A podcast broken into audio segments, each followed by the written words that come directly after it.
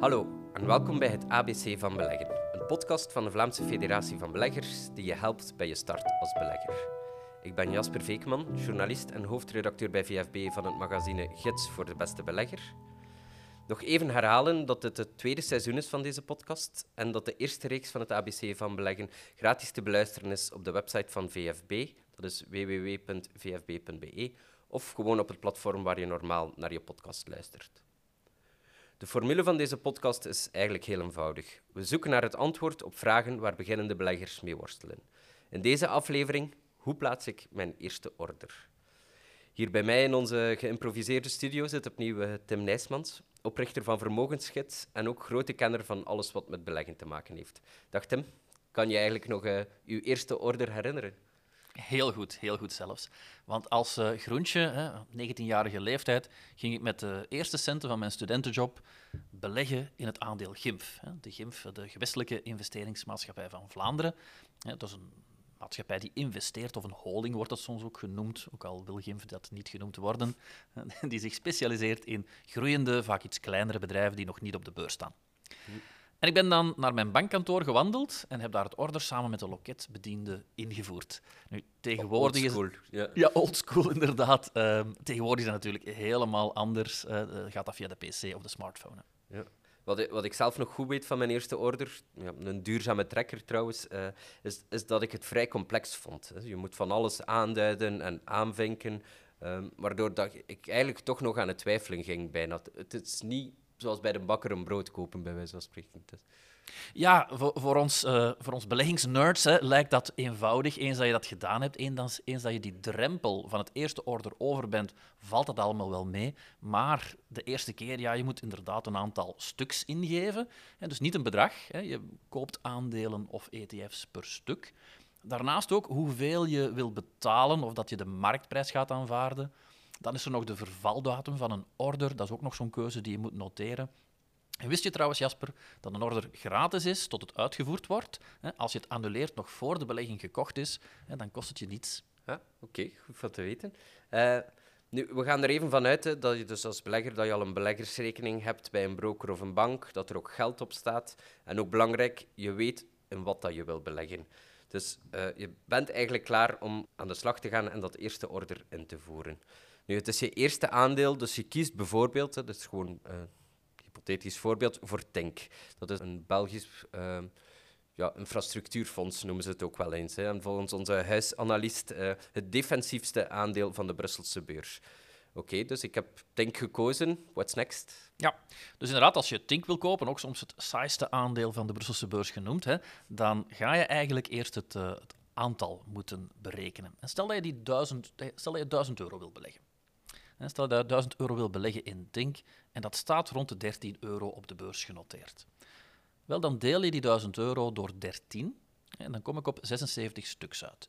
Je gaat dan een aankooporder ingeven voor 76 aandelen. Ja, naar beneden afronden dus. Best wel, want anders ga je boven je bedrag uitkomen. Ja, ja. Dus, maar daarna moet je dus aangeven ook soms op, op welke beurs je je order wilt uitvoeren. Ik weet niet of dat in dit specifiek geval in Tink het geval is, maar vaak uh, ja, wordt dat wel gevraagd. Hè? Op welke beurs wil je het aandeel kopen? Maar maakt dat een verschil eigenlijk? Ja, bij sommige brokers kan je inderdaad de beurs kiezen. Hè. Uh, sommige aandelen noteren ook niet op meer dan één beurs, maar sommige wel. En bepaalde brokers kiezen ze ook voor jou al Dus dan hoef je daar geen extra uh, tijd in te steken. Maar indien je wel kan wisselen, moet je weten dat je per beurs een andere koers, licht andere koers kan hebben en ook vooral een andere kostprijs. Dus let dus goed op bij de transactiekosten van jouw bank of jouw broker, wat dat gaat geven op verschillende markten. Ja, en is er zoiets als een stelregel? Hoe, hoe verder de beurs van ons ligt, hoe hoger de kosten liggen? Uh, Eigenlijk inderdaad, ja, dat is heel geografisch precies. Hè. Uh, als je belegt in uh, Brussel, Parijs, Amsterdam, dan valt dat meestal wel mee. Hè. Duitsland soms al iets duurder, Londen nog iets duurder en, en zo gaat dat maar verder. Hè. Ja. Daarna moet je dus ook een, een type order ingeven. We hebben het in de vorige reeks daar al heel kort over gehad, over verschillende soorten orders. het meest basic order, dat is eigenlijk een, een marktorder. Hoe werkt dat weer precies? Ja, dus bij de marktorder ga je eigenlijk aanvaarden wat de koers is. Hè. Zowel als je koopt als je verkoopt, ga je zeggen van ik ben oké met wat de volgende koers gaat zijn van dat aandeel of die ETF. En dat is natuurlijk wel aanvaarden dat het wel kan schommelen. Je kan dat bijvoorbeeld, eh, als je dat s'avonds of uh, s morgens voorbeurs ingeeft, kan dat wel een verrassing geven qua koers. Ja. Het alternatief is dan een, een limietorder. Misschien kan je dat ook eens uitleggen dan, hoe dat, dat precies werkt. Ja, um, want daar werk ik zelf dan liever mee, met limietorders. Dat is eigenlijk de maximumprijs die je wil betalen bij een aankooporder of de minimumprijs die je wil krijgen bij een verkooporder. En je kan dan nog altijd hè, je limiet iets uh, hoger zetten. Hè, bijvoorbeeld als je wil aankopen. Je gaat toch de beste prijs krijgen. Je gaat eigenlijk een gelijkaardige prijs krijgen als een marktorder. Alleen in die grote uitzonderingen, wanneer dat de markt een schommeling maakt, een sprongetje maakt, op het moment dat jij je order bent in aan het geven, dan ga je met je limiet veiliger zitten. Ja. Maar dus die, die limietorders gebruiken, dat kan, kan best aan te raden zijn. Ja, het beschermt je en je zou dan natuurlijk ook kunnen uh, hè, zeggen van ja, nu wil ik kopen, maar veel lager, of ik wil verkopen, maar veel hoger. Daarvoor dienen limieten natuurlijk ook. Ja. Nu, voor veel beleggers gebruiken die, die limietorders om ja, wat opportunistisch, zoals ze zeggen, hè, om, om een opportunistisch pot in de markt te leggen. Uh, kan je dan een keer uitleggen wat dat precies betekent? Ja, dus als je zegt van ik, uh, ik wil wel Tink kopen bijvoorbeeld, hè, maar ik ben eigenlijk pas geïnteresseerd in aan 12 euro en dan heb je natuurlijk een mooie korting op je aandeel. En dan zou je kunnen zeggen, wel, ik wil uh, mijn, mijn aandelen, mijn 60 aandelen bijvoorbeeld, wil ik kopen aan 12 met een aankooplimiet op 12 euro. En je kan dat dan laten lopen, dat order. En mocht er dan een slechte dag zijn in het aandeel Tink of op de beurs, wie weet pik je het heel goedkoop op hè, als een koopje. En het omgekeerde kan je natuurlijk ook doen bij de verkoop. Hè. Stel dat je bijvoorbeeld dan 14 euro zet uh, als verkooplimiet.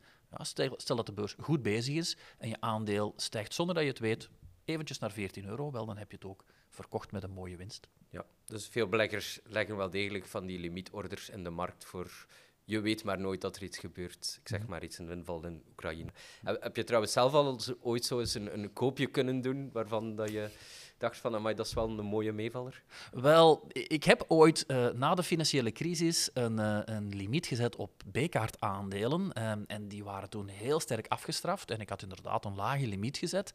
Die zijn toen uitgevoerd en daar ben ik uh, heel goed mee geweest met die, met die aankoop. Dat klopt. Hm.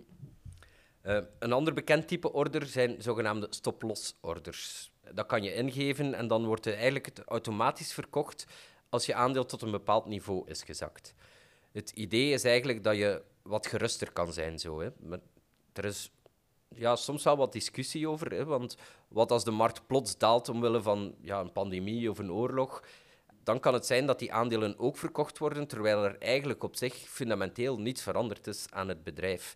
Nu, wat denk jij, zijn die, zijn die stop-loss-orders een goed idee? Of? Ze zijn een goed idee, uh, vind ik persoonlijk, voor mensen die van zichzelf weten dat ze moeilijk verlies kunnen nemen.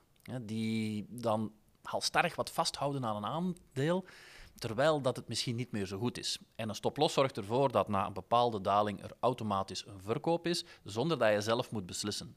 En dat is wel het grote voordeel aan een, aan een stop-loss-order.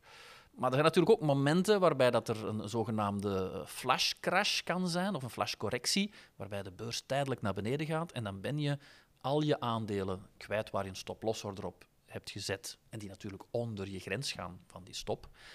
En dat is vaak een minder goed uh, scenario. Ja, goed voor de nachtrust, maar je riskeert je volledige portefeuille of een aantal aandelen te verkopen waar de bedrijven eigenlijk fundamenteel niets mis mee is. Dus, Klopt. Ja. Zijn er zo nog andere types van orders waar ja, die een beginnende belegger iets kan aan hebben? Er zijn wat gespecialiseerde orders, um, hè, zoals dan trailing stop-loss bijvoorbeeld. Maar ik denk eerlijk gezegd dat je met um, de eenvoudige uh, limiet, markt- en stoporders, dat je daar al veel uh, aan hebt als beginnende belegger. Ja. Oké, okay, dus ik keer nog eens terug naar het orderplaatsen. Hè. Dus je moet ingeven hoeveel stuks van een aandeel je wilt, of van, van een ETF, op, op welke beurs je wil kopen, eventueel met een limietorder of stop-loss-order aangeven welke prijs. Zijn er zo nog dingen die, die je moet ingeven bij je order? Ja, ehm, vaak als laatste moet je ingeven hoe lang je order mag lopen. Uh, standaard staat er soms ehm, een maand of een dagorder. Een dagorder wil zeggen dat eigenlijk rond half zes, wanneer dat de Europese beurzen sluiten, of veel later voor de Amerikaanse beurzen, ja, dat na dat uur, de na de beurs sluit, dat je order automatisch geannuleerd wordt. Zet je bijvoorbeeld een bepaalde datum in die verder weg is, ja, dan zal je order verschillende dagen of weken lopen. Dat is toch wel belangrijk om te weten dat je order kort kan zijn of lang kan blijven staan. Ja, moet je eigenlijk in je agenda gaan bijhouden. Klopt, ja. ja. Tot slot, ik wil een eerste order plaatsen. Zijn er ook bepaalde dingen waar het kan fout lopen? Ja, als je een aandeel op het oog hebt waar niet zoveel handel in is, hè, dat noemen ze in ons jargon illiquide aandelen, dan kan het zijn dat er soms een groot verschil is tussen de kopers en de verkopers. Dat noemt men ook wel eens de bid en de ask in het Engels. En dan is het toch heel interessant om met een limiet te werken die bijvoorbeeld in het midden staat tussen de kopers en de verkopers. Want anders, als je gewoon een marktorder geeft of een limiet aan de prijs van de, de zogenaamde ask-zijde, kan het zijn dat je veel moet betalen. Hm. Nu, in dat kader, een begrip dat ik als uh, beginnend journalist eigenlijk al leerde kennen, is wat ze een fat finger noemen.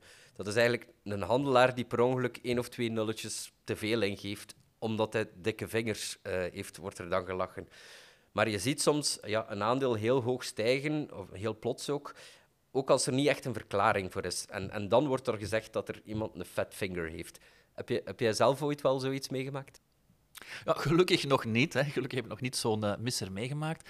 En het is tegenwoordig gelukkig ook zo dat de meeste brokers geven waarschuwingsboodschappen als je vreemde getallen, vreemde orders zou ingeven. Dus er is een beetje een bescherming tegen jezelf bij je bank of bij je broker.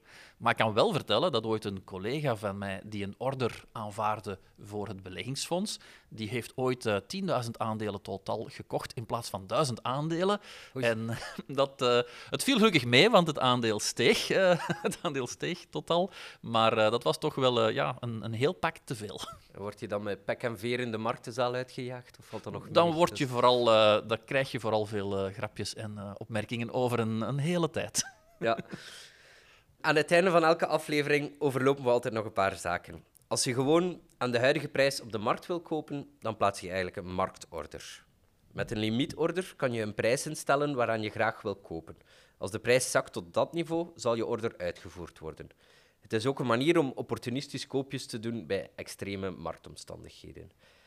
En ook nog, controleer altijd goed je order, zodat je per ongeluk geen fat finger hebt. Tim, heb jij de, daar verder nog iets aan toe te voegen? Ik wil misschien toch zeker ook herhalen dat je moet onthouden dat aandelen per stuk gekocht worden en dat het bedrag dat je wil beleggen moet je eigenlijk omzetten in een aantal aandelen dat je wil kopen. Oké.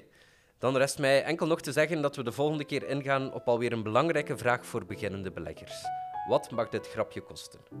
Meer informatie over beginnen met beleggen vind je op onze website www.vfb.be.